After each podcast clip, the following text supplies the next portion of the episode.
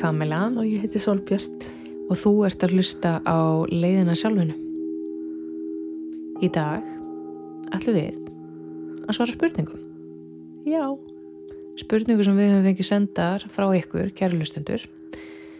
Um, er ekki bara best að vinda okkur í þetta? jú.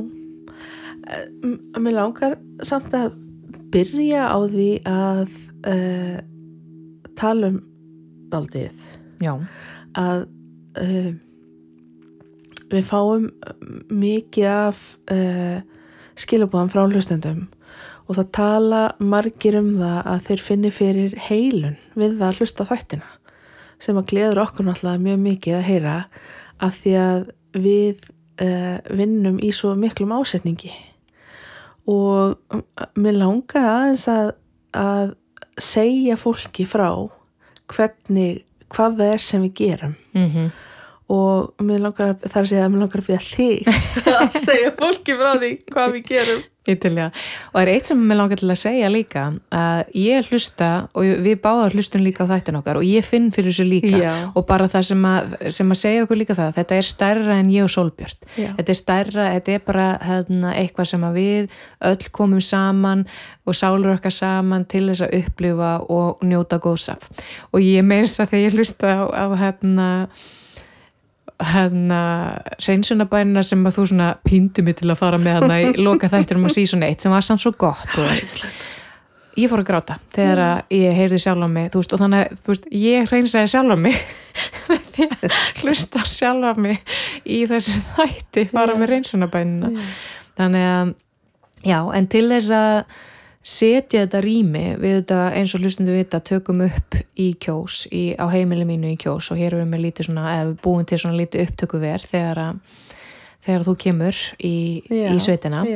um, ég er yfirleitt svona búin að gera rými tilbúið sérst mikrofónana og allt þetta. Og svo setjumst við sólbjört og fáum okkur kakopalla og við byrjum alltaf á því að reynsa já, við byrjum á því bara að reynsa okkur reynsa rýmið vegna þess að það er ótrúlega mikilvægt fyrir okkur að fara inn í upptöku á þættinum algjörlega reynar Já. vegna þess að ef við erum það ekki að þá þetta stóra rými sem við tengjum inn á við sjálfar þegar við hlustum á okkar eigin þætti og erum sjálfar að tengja þetta inn á við erum að taka upp þættinu við alveg og þegar við erum búnaðar og svona að ef við færum ekki inn um, af hreinum og tærum ásetningi og hreinar og tærar í rauninni Já. orkulega Mm. að þá myndi það líka fara yfir til hérna, fólks. Alls og við erum ofta að tala um að það er svo mikilvægt að skoða það hvar við veljum að eigða tíma okkar og þá er ekki að tala um bara fysiskt heldur líka á samfélagsmiðlum og, og hvað við, við veljum að innbyrða já, allt allt heldur orku og allt hefur tíðni. Þannig að þarna, það er svona ástæðan fyrir því að við svona, veist, það er oft sko miklu lengri tími sem fyrir það er bara undirbúningin á rýminu og Já. okkur sjálfum heldur en upptökunar sjálfar. Já, þannig að það þetta er rétt, já. Já, og þú veist, með þess að síðast við tókum upp þá var eitthvað bara svona, var eitthvað bara gerist það mjög því að þá greinlega átti ég, þú veist, það var eitthvað annað sem átti að fara að gerast líka eftir þáttinn upptökurnar, þannig að við vorum bara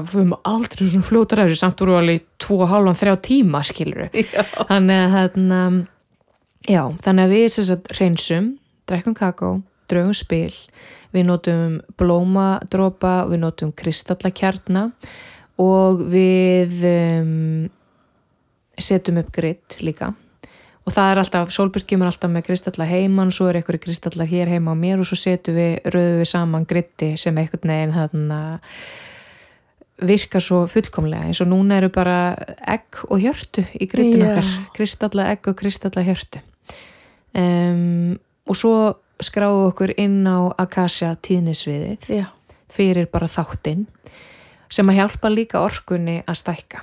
Og verður til þess líka þessi þetta heilandi rými nái út fyrir þetta fysiska rými. Já. þannig að það er svona eh, fljótu bræði upptali það sem við gerum já.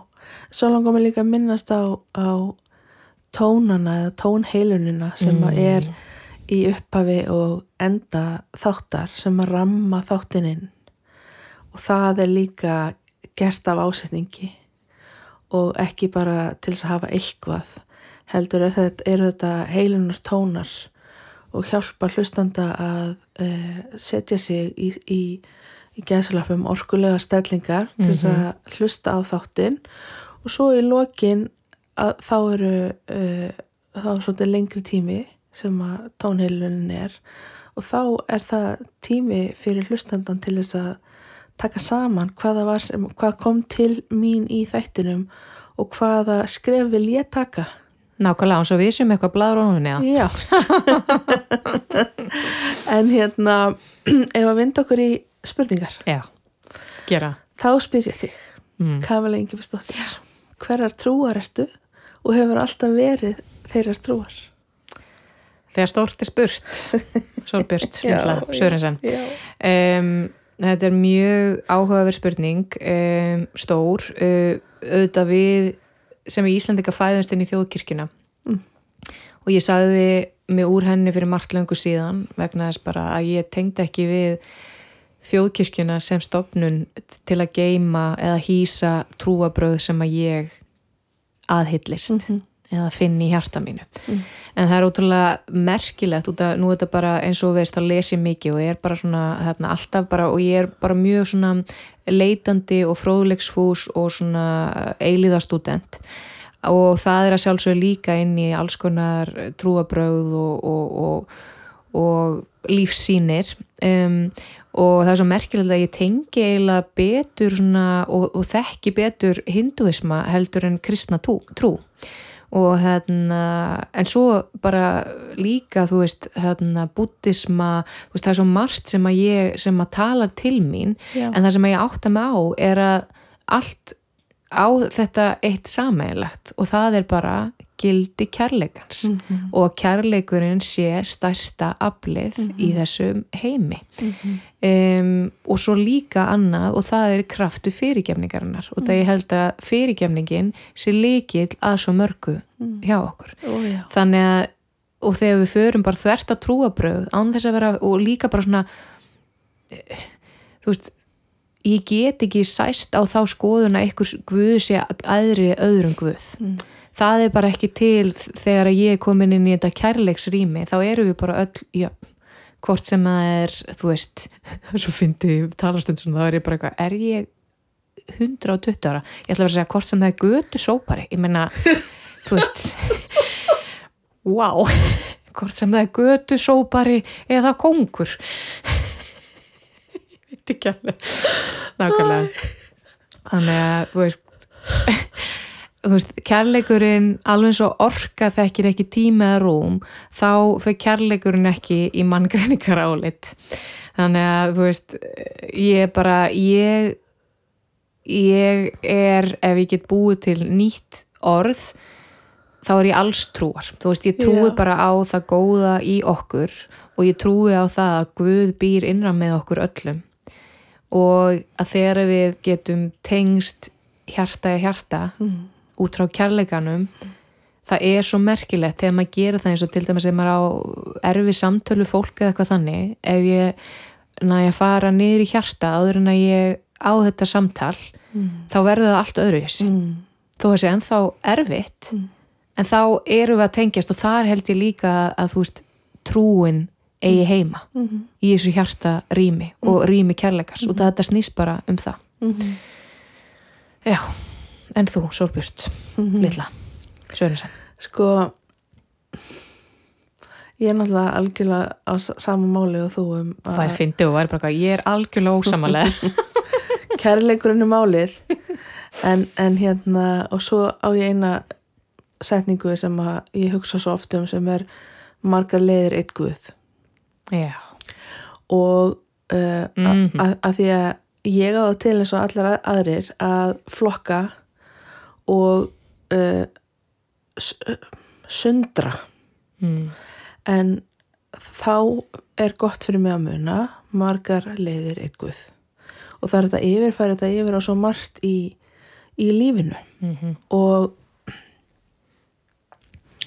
uh, önnur önnur setning sem að er eitthvað sem að ég segi oft og, og, og hérna og tala svo til mín að, að kemur úr dýranum í halsskói öll dýrin í skóinu vega að vera vinir og ekkert dýr má borða annað dýr. Við eigum sem sé að vera góð hvort við annað og hjálpa stað. Nákvæmlega. Og ég held að kærleikurinn uh, ég held að kærleikurinn byrtist í verki í því þegar við hjálpum stað. Mm og leiðumst við göttuna -hmm.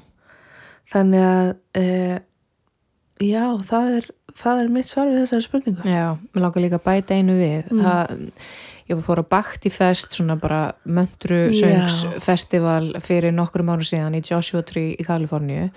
Og á hverju mótni bara var ég þeirra gæfu aðnjótandi að geta hlusta á Prem Baba hérna, sem er bara svona andlegu kennari já, í satsang. Og ég alltaf bara fóð með kakabólla minn og svo fyndið mitt, ég man eftir að vera svona það var hjón frá Mái og einn daginn, þetta voru fjóri dagar eða fimm sem ég satt í satsang, einn daginn þá satt ég fyrir aftöðu og svo daginn eftir þá bara fór ég randomlegin í salin og bara einhvern veginn fór og settist einhvern þar ekki á sama stað og allt í hennu bara leiti ég og þá voru þau aftur fyrir frammi og við vorum bara alveg hæ, bara svona til að sína hvað var mikið magic í gangi Mm, mm. en hann eitt af því sem að þú veist það var svo margt sem hann sagði og ég man ég skrifaði bara svo mikið í dagbókina mína og bara hann bara svona talaði beint til hjarta, hjarta míns hjarta míns. Mm. og hann sagði bara hlutverk okkar í lífinu er að elska. Og hann sagði hann leið það er svo auðvelt að elska suma en hlutverk okkar í lífinu er líka að elska þá sem er erfitt að elska. Já, og það er líka líkillin að því að elska þá sem er erfitt að elska er fyrirgefningin. Já, nú er ég að bæta því við það sem Prem Baba var að segja. Þannig að ég er að sjá Já. núna líka hvernig við, hvernig við getum elska þá sem er erfitt að elska. Og það er með því að fyrirgefa þeim og fyrirgefa okkur. Þannig að já, þetta eru okkar trúabröð, kærleikurinn. Mm. I believe in love. Já. Og þú heyrir að ég hérna andvarpa yfir þessu því að nú fara í hönd forstakostningar í bandaríkjanum og, og hérna og ég er á fullu að vinna í því að fyrirgefa og, og hérna og leifa kærleikanum að ráða fyrr nákvæmlega. Að því, og að því að nefnilega við þurfum að gera það líka þegar það er erfitt. Mm -hmm. það er ekki bara, þú veist, á jólunum og páskunum, eins og, þú veist, það þarf að vera á erfiðu tímunum líka. Það er mikilvægast. Já, og nákvæmlega þannig líka verður þessi stóri vöxtur já, já, yes. ok um, hefur þú hefur þú einhver ráð við því að ná markmiðum? Ef við setjum okkur markmið og svo erum minna um emdirnar já e, nummer 1, 2 og 3, ægi.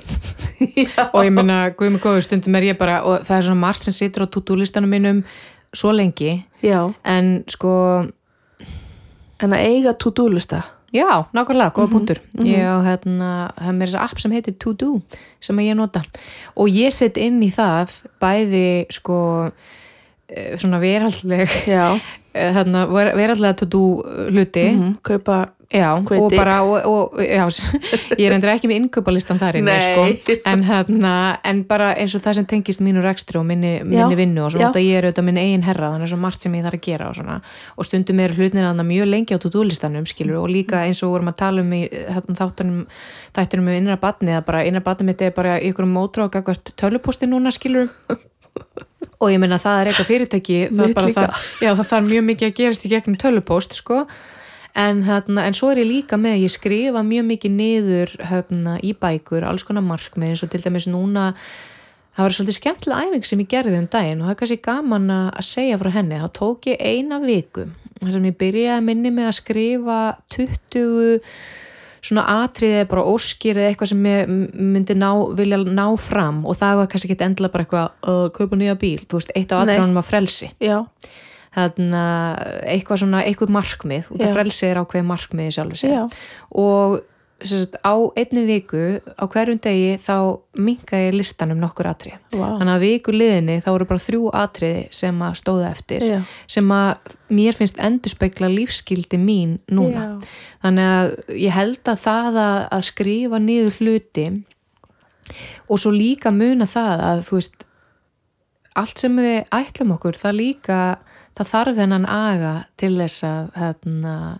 náði fram. Já, Þú veist, og stundum emma það bara ekki eins agaður. Eins og það er svo áhugavert núna ég er mjög öguð í minni andlegu yðku núna og það Já. er greinlega bara eitthvað sem þarf að vera núna og líka bara út af því að ná, spes tími uh, í heiminum núna. Já, þannig að það er það sem að gefa mér hérna, mjög mikið að, að vera öguð í, í minni andlegu yðkun já, en svo sittur kannski hitt allt á hakanum en það er líka miklu minna að gera þannig að ég þarf kannski ekki að vera eins mikið að- vinna e, í því sem tengist fyrirtækinu mínu út af því ég reynilega get ekki verið að gera næstu því allt sem að Mm. ég vennilega gæti verið að gera og væri að gera. Mm.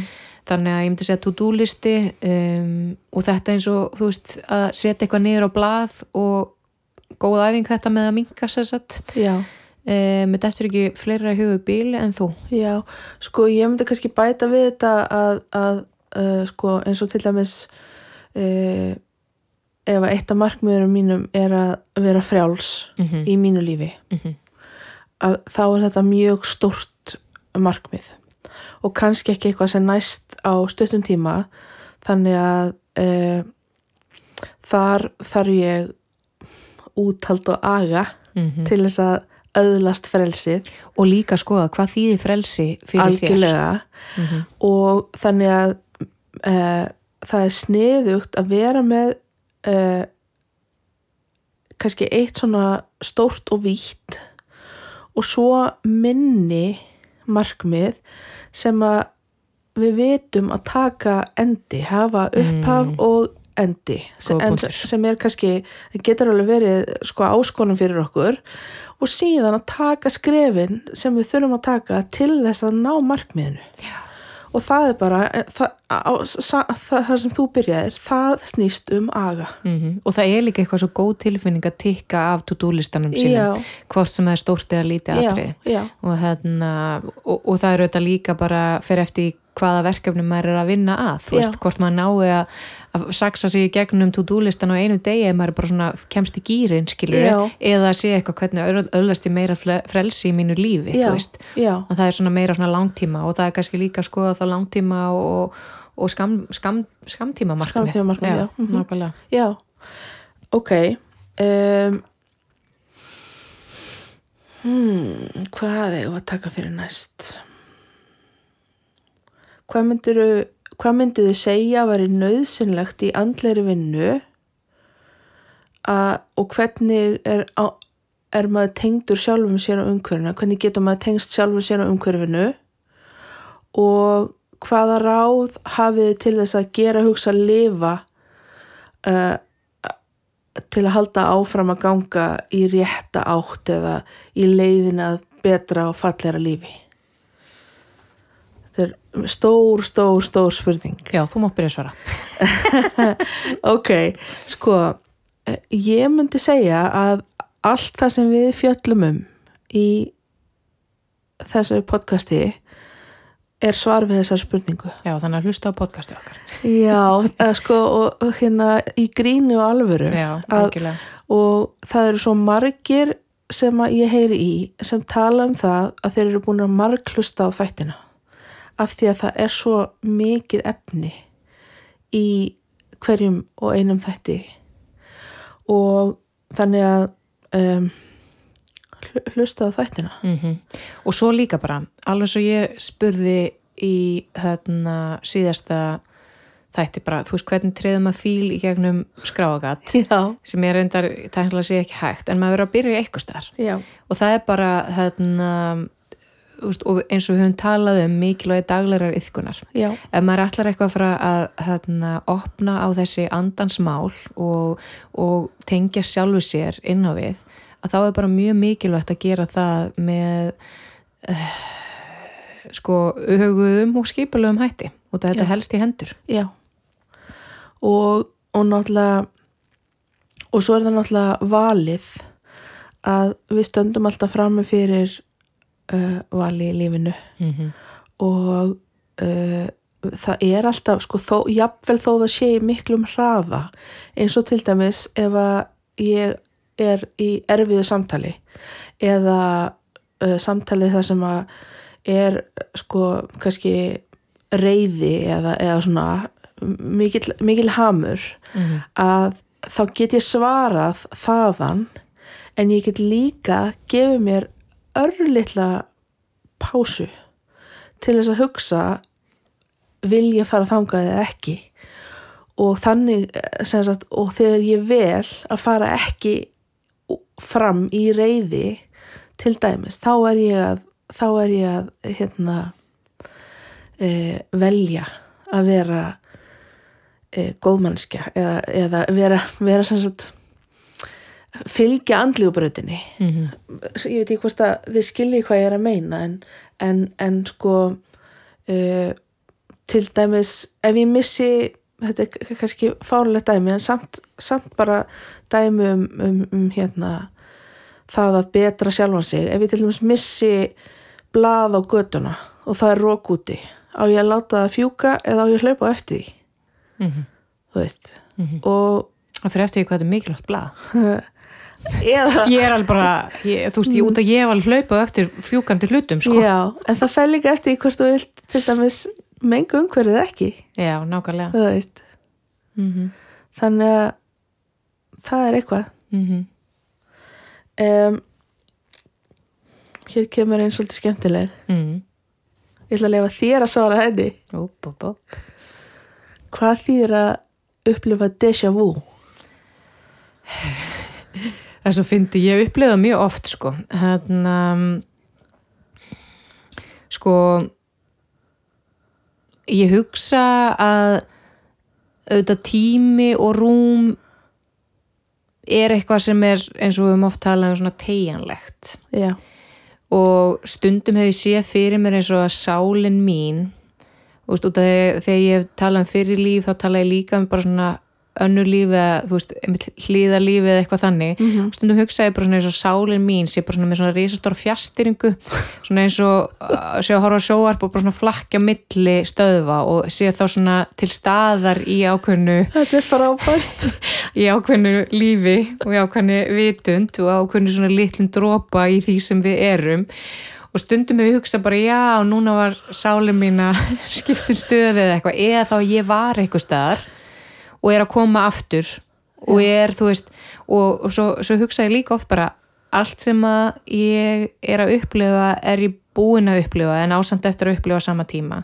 Þú veist, alveg svo sumir sjá inn í framtíðina og það er kannski hægt að sjá henni framtíðina út að hún er nú þegar búin að gerast. Mm og þarna, þannig að ég er svona nú er ég orðinlega bara svona mega svona existential skilur en svona, svona flögrar hugum minn stundum. Ég, ég man, ég hef bara svo oft bara verið bara eitthvað vá, pæli, húðin okkar er full af götum en hún er samt vasseld -hmm. þú veist, við þurfum ekki annað en að loka augunum bara smá og þá eru orðin vasseld, þú veist, þannig að alls konar svona pælingar, þú veist ég held að Deja Vu sé líka að þetta er eitthvað svona, eitthvað svona andleg pása eða eitthvað, eða líka bara þess að minna okkur á, hei þú ert marslungin vera, ertu búin að upplega þetta áður, varstu ertu að koma úr einhverju sálnaflakki eða hvað er að gerast, þú veist? Þannig að þú veist, ég veit ekki alveg hvað þýðir sérstaklega en það er kannski, kannski, kannski, kannski þetta er kannski, kannski, þetta er kannski dækifæri fyrir okkur til að staldra við og hugsa, herru, já er kannski þetta moment núna sem að ég er að upplifa mikilvægt? Af hverju er það mikilvægt? Hverju er skilabóðin, hvað er að gera þetta Mm. Eða var sálum mig bara skipt um stöðu hvað smá svona píkles Mhm. en þú, hvað heldur þú um Vu? sko ef ég tek þetta á, á hæsta og víðasta punktin sem ég get fyrir mig Mm -hmm. að þá segi ég ég er allt allstaðar mm. og ég meina þetta raunverulega já, ég trúi þér og sammála og hérna og ég hef oft upplifað déjà vu og það tengist uh, fólki stöðum mm -hmm. og atöfnum Mm -hmm.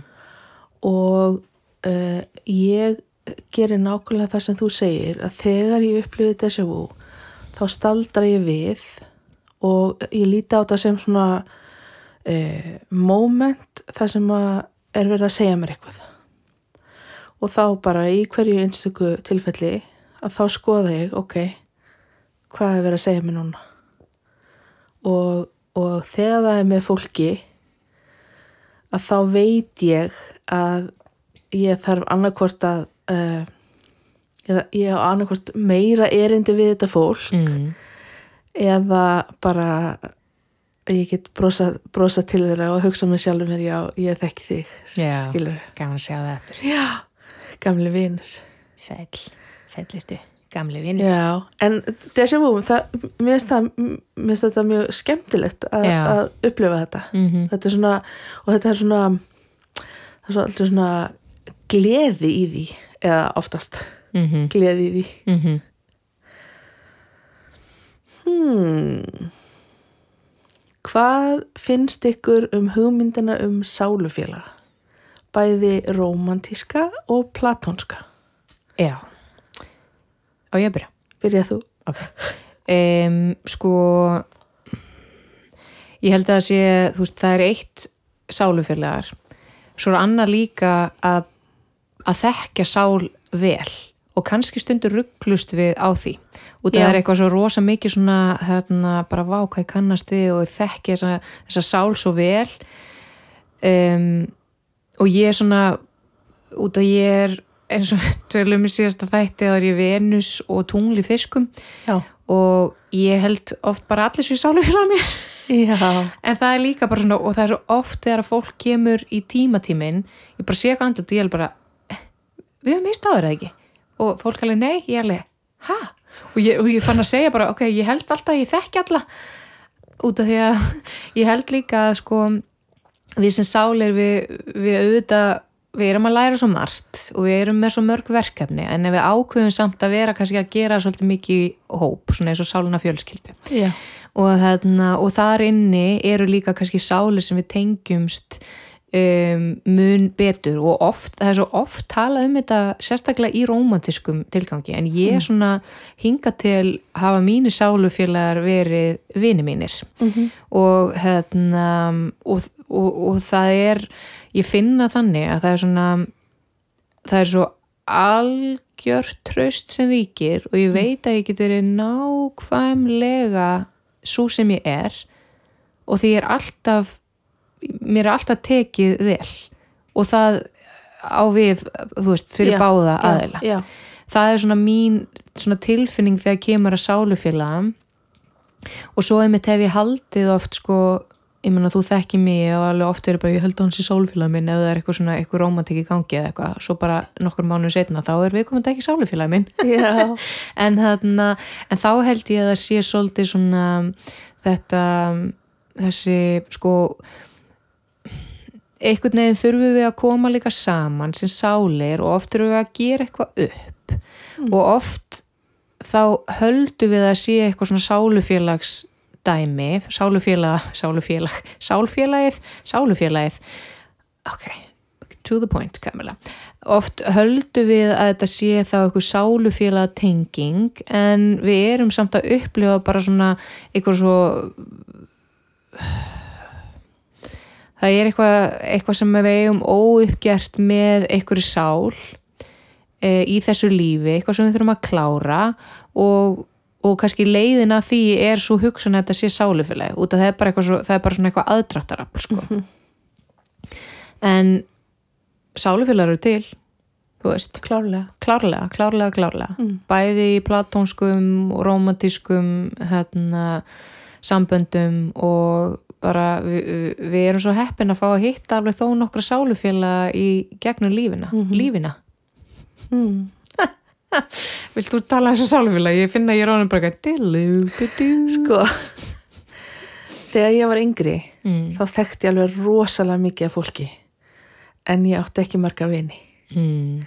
og það er ekki fyrir svona í kringum 27 ára aldurinn sem ég byrja einmitt að hitta sálufélaga mína utan eins sem að ég hitti þegar ég var 17 ára og það er maðurinn minn Já og við erum klárlega sálufélagar. Mm -hmm. en, en hérna en e, ég á ekki eða ég er rík af vinum e, og þeir sem eru í instarhing eru allir sálufélaga mínir. Meðal annars mannskjörn sem sitt og tala við hérna Mhm. núna. Nákvæmlega. Og það um, en, ég held að, bara svo ég tala aðeins meir um þetta með e, það er eitthvað sem heitir sko sálna brot mm. sem að e, það, er þá, það er hópur sem kemur einhvern veginn úr e, sama eða sem sagt að ég bakka aðeins. Mhm. að ég upphafi var Guð eða upphafi var almættið. ég ætla bara að bakka aðeins bara smá, bekku bara smá. Ég upphafi var almættið Mhm. sem að hafði enga leið til þess að upplifa sjálft sig. Já, þannig að það splundraðist í uh, mörg, í, í mörg brot skil, miljónu brota. Og það talaði um svona sálna hópa sem uh, brot sem ferðast saman. Mm. og í bjart, bjartustu merkingu. Og e, stundum rugglum við saman e, sálnafélugum og fólki sem eru úr sama sálnabroti og við.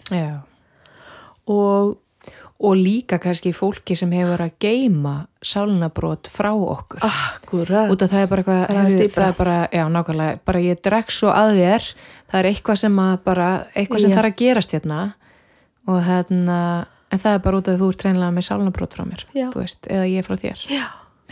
þurfi ekki að halda fram, smá Nei. einskott ég, nei, þetta, ég, ég var búinn Já, þetta er búin ef við kannski að taka smá pásu Gerða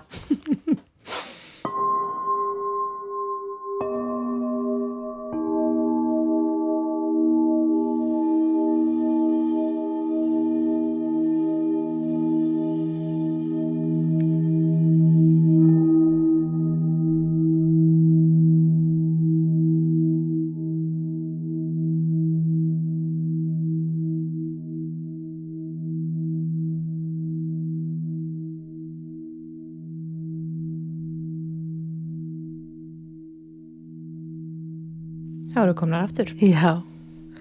Heyrðu næsta spurning. Mm. Hvernig geta atburðir eða minnstur úr fyrirlífum haft áhrif á núverandi líf? Þau geta bara haft mjög mikil áhrif skal ég ykkur segja.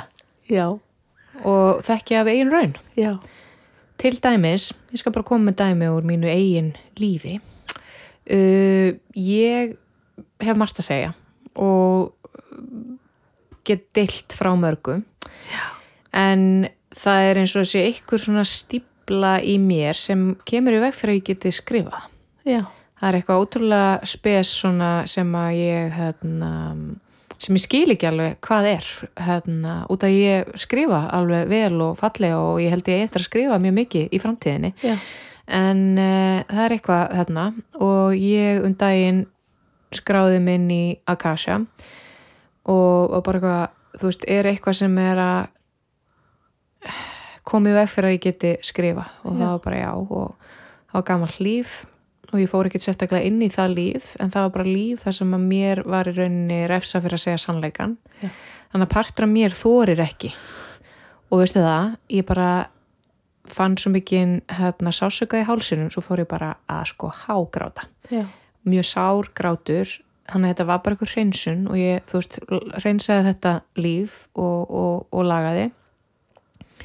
Og treysti ég bara núna að þetta sé komið í annað farveg og þú veist, þannig að, jú, auðvitað geta atbyrðir og það við ferðumst með rosalega margt frá einu lífi í annað. Já, já, alls og við tala um þessar svona ótskýrðu gjafir en svo er það líka ímislegt eins og bara fólk með mikla fóbjur og, og til dæmis, núna er ég hérna, eina bókin sem ég átti eftir að lesa hérna, Many Lives, Many Masters nei, af listanum sem við tölum um í hérna, fyrralífs hérna, þættinum var svo bók sem ég var að nefna núna rétti þessu.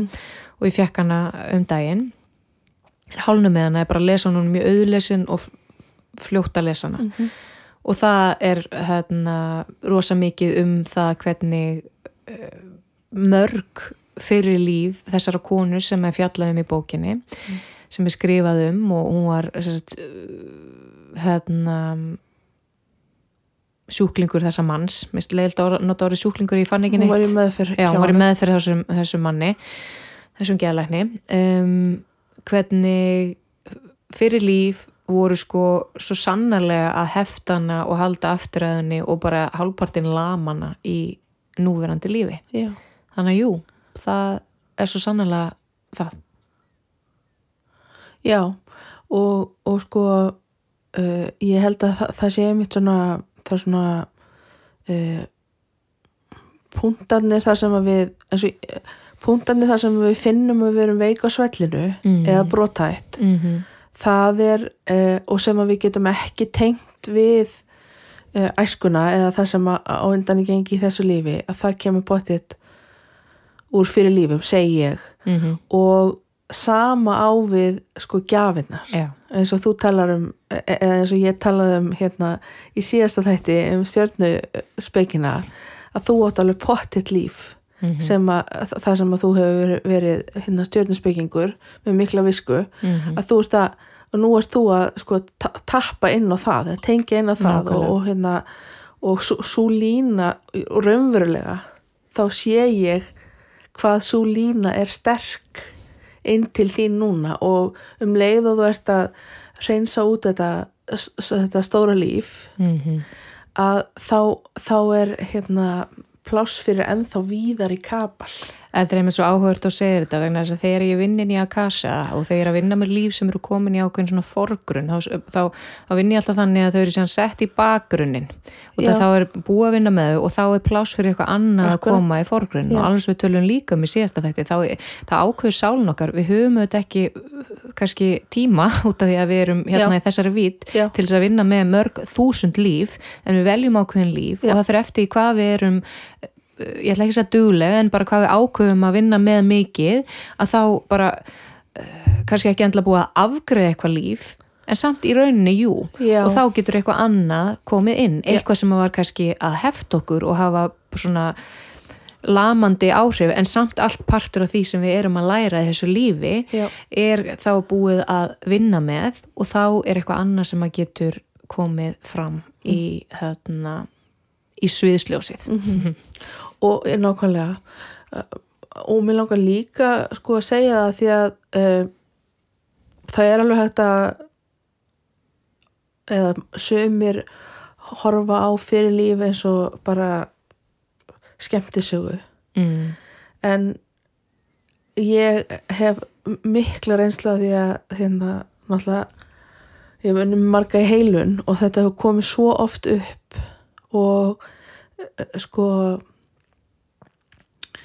munurinn á lífi fólks fyrir og eftir tíma það sem að hafa verið gerð upp eh, einhverjur, gerður upp einhverjur stórir atbyrðir sem að aðalega hafa verið að hefta Mm að hann er bara ólýsanlegur Nákvæmlega.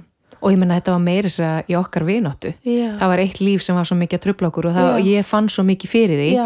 og það var líf þar sem að þú sveikst mig og ég gat bara ekki, þú veist, ég var bara eitthvað, mannstu í kotin, ég bara, Sólbjörn, við verðum að laga þetta líf. Ég segi bara, ég get ekki horta að þess að vera bara hálf fúlutið, sko. Og sem er svo merkilegt út að ég hafði enga ástæðu til þess í þessu lífi, en svo ríka ástæðu í ykkur eldgóðlu lífi, skilur Já. þannig að þetta er svo áhugavert og líka bara að hugsa til þess að þetta þarf ekkert endla út af því að oft og það er kannski svona það sem við lesum um og, og, og, veist, og það sem er kannski öðrum fyrst þess virði að skrifa um að það er að það er eitthvað rísa stór líf og eitthvað bara svona eitthvað rosa hérna, en þú veist, oft er þetta bara mjög einfaldir hlutir Já. og bara hérna, auðvelt að vinna með og laga Já. en hefur samt svo mikil áhrif á okkur Já. í, í þessu lífi sem við erum núna. Algjörlega. Fyrir líf. Fyrir líf, elskaðu, gotta love them. Mm. ok. Næsta spurning. Hver er ykkar skoðun á því að láta loka börnum? Og þá vera að tala um að loka á andlegar tengingar eða, eða um, sín eða mm. svoleiðis. Ég er ekkert alveg reynaði en sko ég myndi segja að það bara aðstofa börn við að vinna með þetta. Og það er eitthvað sem við höfum líka talað um áður sem að bara þú veist, hefði verið svo dýrmætt þegar ég var bara til dæmis og, og ég fekk alveg eitthvað að því en bara að læra að vinna með þær gjafir sem við höfum mm. út af því að oft er það líka þannig að, veist, að þessi, þessi elsku börn að, þeim fyrir að líða eins og þetta sé eitthvað sem er ekki lægi skilur Já, þessi já, gjöf. já, ef að það, þú veist, og þá faraðu í kjölfara að hugsa eins og þau séu ekki í lagi.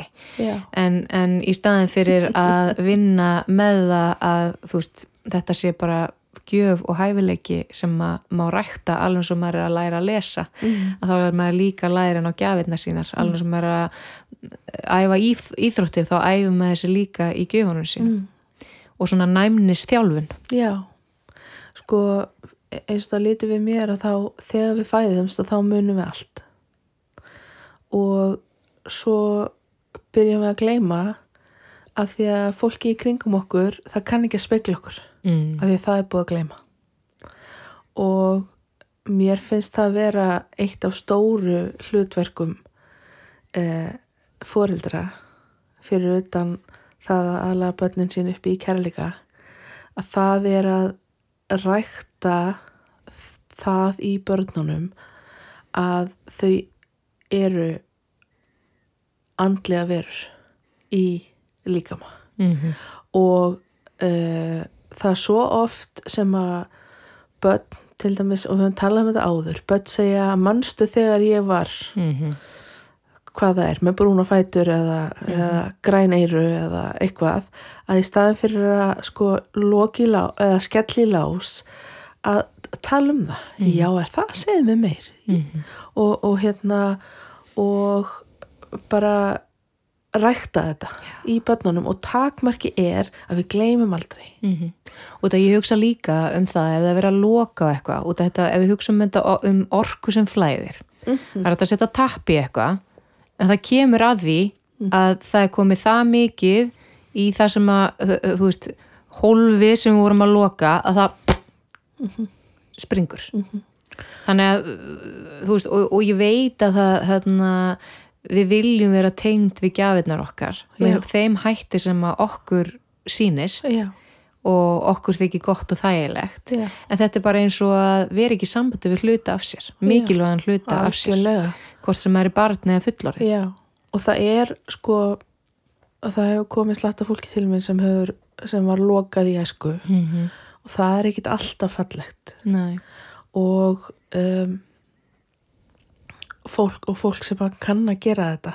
Að það, hérna, að það, er hægt að það er hægt að klippa á tengingar alveg eins og það er hægt að breyta fyrir lífum og, og, og, og, klippa á alls konar tengingar. Að það er hægt að teng, klippa á þessar þessar uh, grunnstóðir okkar grunnstóðir andans og það er bara sorglegt. Mm þannig að hérna ræktiði visku barn ykkar og það er kannski líka þá ef að ykkur á barn sem er svona opið að í staðan fyrir að hugsa að láta loka því eitthvað og það, það er auðvitað líka auðvitað er erfitt að horfa upp á barnið sitt sem er kannski með martraðir eða hva, hvernig sem þetta byrtist þegar að börn eru næm hvort sem eru að sjá eitthvað á nóttunni eða eitthvað þannig að í staðin fyrir að fara og hugsa já, bara loka barninu að þá að vinna með aðila sem að er heilari eða bara eitthvað sem að hérna, gæti Já. aðstóða já, til þess að hjálpa barninu að skilja já, og, og finna leiðir til þess að eiga annarkort friðsælli nætur eða, eða hvað sem það er, veist, hvað sem það er sem þarf að, að, að, að vinna með út af því að það er, það er hægt að finna tól fyrir allt. já og líka eins og til dæmis bara að við sem fullorðin höldum hýbílum barsins hreinum. Mm -hmm. og þá er ég að tala um orkulega hreinum. Nákvæmlega. og, og, og það, það er eitthvað sem að hjálpar börnum að blómstra þegar það er ekki eins og ég kalla alls konar jökk Börnum jafn sem fullorðnum. Börnlega já, sem fullorðin og innri börnum. já, Já. já. Ok. Hér kemur spurning. Ég hef búin að gleyma því að ég er andleg vera hver eru skrefin í átt að muna? Ég meina bara það að spyrja þessara spurningar, já, það er fyrsta skrefi. já, Bara hei, ég er búin að gleyma. Hvað ger ég til að muna? já. Um, það sem að ég myndi segja út að ég hef alveg verið á þeim stað. Og það var þegar það var mjög mikið hraði í mínu lífi og ég var að gera bara, ég var alltaf upptekinn já, og eiginlega komin á þann mikið yfirsnúning að ég, eins og ég hef talað um áður í podcastunum ég gaf mér ekki tíma eins og ég að spjalla við fólk. Já, ég gæti ekki eins og sest niður og átti eitt samtal við fólk og það var alltaf einhvern veginn að flýta mér eða held, held það. Já, þannig að ég myndi segja ef, ef að ef þú ert búin að gleyma og ert andleg vera að þá þá byrjar að muna í kyrðinni þá byrjar að, og, og hvað sem að kyrð er fyrir þér. Alveg svo við talaðum í þögninni að stundum er kyrðin eða þögnin óþægileg. En bara þannig að það færist aðeins meiri ró inn í kerfið inn í umhverfið og þá byrjar maður að muna. Mhm, og þetta gerist allt og svo er, svo er það líka það að við erum þetta alltaf á einhverju leið. Og þegar við erum búin að gleyma þá þurfum við líka átt okkur á því að við ákveðum að gleyma í svolítinn tíma. Og ákveðum svo að byrja að muna með því að spyrja kannski svona spurningar. Mhm, þannig að það, það byrjar allt eitthvað starf mhm, og það er bara eitt skref í einu. Og svo er það líka það að þegar við erum búin að gleyma að þá þurfum við bara að byrja að muna og muna smá í einu. Mhm, og svo smá meira. Og svo smá meira. Og svo smá meira. Mm. og þá kemur það. En fyrir, fyrir mér var það bara að áfram gefa mér rými með sjálfur mér. Og það ég til dæmis sjálft að ég væri þú veist á fulli eitthvað svona fór í mína jókatíma og, og hérna þú veist var búin að læra einhverja íhugun. En svo er það líka það sama hversu mikið við hugleiðum það vinnur ekki með stóru sárin okkar. Mhm, þú veist, og hérna, þannig að við þurfum að leita mismunandi leiða til þess að, muna. Mhm, en auðvitað jóka og hugleisla og, og þau góðu tól og verkfæri sem við, sem við höfum og getum nálgast svo auðveldlega í nútíma samfélagi. Mhm, ekki bara í næstu jókastöðum heldur líka á netinu, í símanum okkar, í tölvun okkar. Að, hérna, að það er leið til þess að byrja að finna fyrir þessari kyrð mhm, og búa til þetta rými. Mhm, til þess að þessi þetta remembrance geti Mhm, átt mhm. Ég, eh, hérna, ég man að ég notaði þessa góðu spurningu hver er ég? Mjög mikið þegar ég var tínt eftir að papp minn dó. Mm -hmm. og ég spurði, spurði með þessar spurningar oft. Og svo byrjaði svari rólega að koma sem var ég er andli vera. Og uh, ég notaði það sem bara möndru í mörg ár og náði toppinum, ég man ekki hvort ég er búin að segja frá því í þettinum, ég var ekkert um á, á námskeiði og það voru allir sérst, það farið ringin stór hópur hérna, hver ert þú? Og eða, þú veist og allir, allir voru að segja já, ég er húsasmíðumestari og er búin að læra þetta og þetta og þetta. Og svo var ég síðust í rauðinni og ég svaraði að ég er andlega vera. Og það var, það var svo stór sigur fyrir mig Já, að það var ég komin heim. Já, og svo, svo náttúrulega uh, kemur hvað þýðir það að vera andlega vera? Út af við erum öll andlega að við erum allavega nákvæmlega. verur. Og ég er andlega vera. Hvað þýðir það að vera andlega vera? Og það er spurning sko til lífsloka Mhm. eða inn í eiliðina Mhm.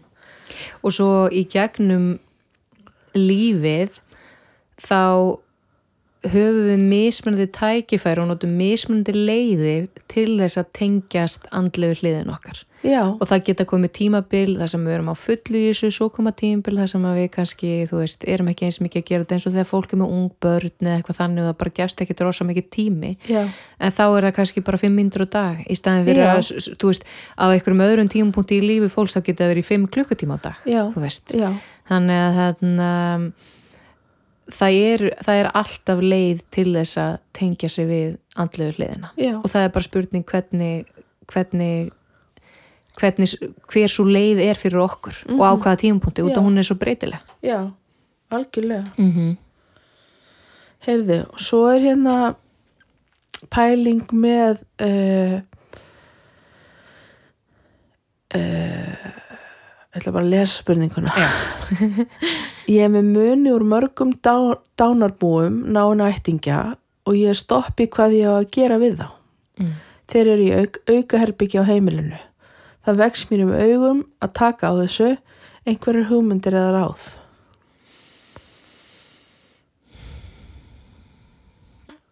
Já, sko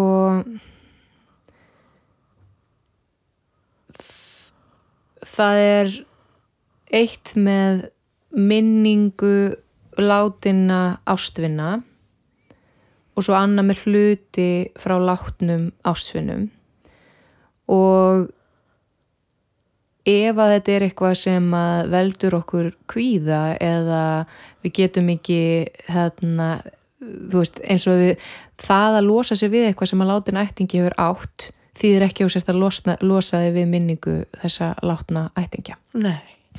Og ég til dæmis í mann fyrir mörgum áru síðan þá fór ég til miðils og ég var með hérna, er með eitthvað hluti frá sérst föðurömmu minni. Og ég fekk að vita að henni þætti vænt um það. En síðan þá þá hef ég líka verið smátt og smátt að losa mig við uh, eitthvað af þeim hlutum. En ég losa mig ekki við minninguna um þessa góðu konu sem ég að þekkti ekki einu sinni í lifanda lífi. Já. um, en þetta ber allt orku. Og það sem að ég hugsa líka er að ef eitthvað situr bara og er ekki notað eða það er enginn að njóta þess að þá er kannski best að sleppa að takja þig og svo hugsaði ég líka kannski út af því að hlutir taka pláss Já. í rýmum. En mm, það er líka hægt að taka mynd af hlutum til að eiga og eiga bara lítið myndalbum með mynd af einhverjum hlutum sem að hérna, tengjast minningu látins ásvinnar en hluturinn má kannski fara eitthvað annað og fara í endur nýjum lífdaga og eiga nýtt líf Mhm. alveg eins og látni ástfyrirnirinn er væntarlega búin að velja sér nýjan líkama og byrja þér á nýju lífi Mm. þannig að sko hluturinn er ekki manneskjan eða minningin um manneskjuna Mm. en auðvitað er oft um, veist, og ég held að það sé líka bara til þess að komast að því hvaða merkingu þessi hlutur hefur fyrir okkur er einfallega að tengja okkur inn á hann og skoða með fíngerðari skinjun Mhm. er besti kosturinn fyrir mig Mhm. að hafa þig, þennan hlut, þennan hlut inn á heimilinu Mhm. er besti kosturinn fyrir mig að halda í þennan hlut Mhm. Og það ég hef alveg bara sko og meiri sér ekki bara eitthvað sem ég hef keift á nýtjamörkuðum hef ég síðan bara þurft að losa mig við og alls og ég hef talað um líka hérna hinn andlega Mari Kondo ef það er eitthvað heimilinu sem veist aldrei og getur ekki komið almennilega fyrir Mm. það eru mjög mikla líkur á að þessi hlutur eigi ekki að vera lengur en heimilinu Mhm. en, en það er þetta bara ég skil að það fylgir því ákveðin svona ákveðið, ég vil ekki segja samvinskupið en eitthvað svona bara, hei, ef ég er að losa mig við þetta Það er að losa mig við ástvinnin. já, Já. en það er bara ekki þannig Nei. og oft með bara líka bara eins og núna bara við sem að tala um þetta þú veist að, að fólk átti sig á því bara já hm, þetta þarf ekkert endilega þú veist, minningin lifir í hjartanuðinu Mhm. minningin lifir í hjartanu mínu minningin lifir í hjörtum okkar Mhm. Þannig að já, ég held að það sé svona mín skoðun á því. Ég vil bara endróma það sem þú segir að, að uh, ég myndi segja taktu við, við hlustandan mm -hmm. taktu hvern einasta grip í faðmi, faðmin eða í hendunar og, eða snertu ef þetta er stóri hlutir og spyrðu Mhm. tilherir þú mér? Já. Og þú færð skýrt svar. Mm og svo getur þú tekið það lengra hérna, e, semst, ef svarið er nei að þá er hægt að fara í gegnum það hvort að þú er að koma þessum hlut áfram til einhverja ákveðina mannesku -hmm. eða hvort þú er að gefa hann frá þér í, Nytjamarkað í eða rauðakrossina hvað það er. Og, og hérna og það er sko það, það er rumverulega þannig að sérstaklega þegar, þegar það eru uh, hluti sem koma af nýtjamörkuðum eða úr antikbúðum eða eitthvað sluðis að þá er oft eitthvað með þessum hlutum og þá þarf að reynsa þá. Mm og, og það er allavega þannig í mínu lífi. Algjörlega og stundum Ja. er ekki eins og hægt að reynsa nei, og, stund, nei, og þá verður maður bara að, að skila þeim. Mm og þá er kannski ykkur annar sem á að þú veist, hérna, eiga þetta eða eitthvað þannig. Já. En þú veist, ég á alveg hluti af nýtjamörkuðum hérna sem að Já, eiga að vera hjá mér. já, já. sem að fungera og bara alveg og þú, þú veist og við höfum talað um að bara hver hlutur á mínu heimili það er, það, er einhver ofaukið og ég er alltaf að losa mig við eiginlega bara svona of mikið stundum. En hérna en já, það er bara út að við getum tengst hlutunum og bara spurt. Þannig að það er bara Já. Og, og sko, og, og bara líka, ég ætla bara aftur að endurúma sem þú saðir að þe- ef þú lætur eitthvað frá þér sem tilherir einhverjum sem er farin og, sem tilheyrðu því meira þess já, sem tilherir einhverjum sem er farin og þér þykir væntum og þú ert ekki að losa þig við manneskina Nákvæmlega. þó að þú látir Mhm. gripin fara Mhm. að því að minningi lifir í hjartanum yes. Ok, en hérna höfum við tíma að kannski verið eina spurningu yfirbóta eina spurningu viðbót. Ok. Ég ætla að lefa þér að svara henni. Op, op, op Nei. Mér, langar að spyrja hvort þið vitið hvað er að hjá manni þegar maður heyrir sjávarnið í eyrum já. Vá, mér fannst ég gera svona hljóð svona. Þú gerði, það. í, í sjónum. Um, ég get ekki svara nákvæmlega og í fyrsta lagi, ég held að segja ekkit að. Nei, þarna, og það, er í spurningunni hvort það segja eitthvað að hjá manni, það er ekkit að. Um, er kannski sjórun að kalla þið er eitthvað í sjónum sem að við tengjast þér eða að þú veist, stundum heyri ég hluti sem að þú veist, eða hljóð sem að ég veit að er ekkit endilega í, þriðvitt í þriðuvít mm -hmm. en þú veist, stundu fæ ég svona hátíðni hljóði í eirun um, mjög mörgum finnst það vera góðsviti, hjá mér er það, það ekki, þú veist, þá þarf ég eitthvað að hreinsa. Mm. þú veist, þannig að það er bara spurningum að skoða líka Eh, Já, hvenar, við hvað aðstæður heyriru þetta hljóð? Er það, og, og hvernig bregst líka með við? Mhm. hvað, þú veist, hvernig bregst taugakerfið við, hvernig út að líka minn veit alltaf? Og eins og við höfum talað svo mikið um að þá er líka mann alltaf að senda okkur skilabóð Mm. og auðvitað heyrnin hluti af líkamannum og því hvernig við erum í þessari vít. Mhm. þannig að, að skoða bara í stærra samhengi hvenar er þetta að gerast hvernig líður mér hvað, og spurja bara hvað, er þetta, er þetta skilabóti mín eða hvað er að gerast núna er eitthvað sem ég þarf að skoða betur hjá mér eða er sjórin reynilega að kalla á mig Mhm. hvað myndið þú segja? Ég myndi sko segja að, því að ég, ég heyri ég heyri það alltaf þegar tíðnin breytist Mm. að, að það alls konar mismunandi tíðni hljóð og hljóð og líka bara stundum kemur hella og, og alls Mhm. konar svona en það, það snýr alltaf að þeirri orku sem er að stíga inn eða sem ég geng inn í þannig að ég myndi bjóða þessum hlustanda að svo sem eins og þú ert búin að segja að taka eftir því þegar ég heyri þetta hvar er ég hvað er ég að hugsa, hvað er ég að gera og hvað vill þetta hljóð segja mér Mm -hmm. að því að við getum allstaðar tekið móti skilabóðum Mm -hmm. Nákvæmlega, mic, mic drop um, Er þetta ekki bara komið flott? Jú. Ef við ekki bara by- byggja hlustendur um að vinsamlega fylgja okkur á samfélagsmiðlum Jú. Við erum leiðina sjálfunu bæði á Facebook og Instagram og hjálpa okkur að láta orðið byggðrast um þetta podcast deila jafnvel um, þættinum á samfélagsmiðlum. Um, eða segja ykkur um vin frá. Og þakka þið bara kærlega fyrir að hlusta. Og óskuð er góðs gengis á leið þinn í átta sjálfunni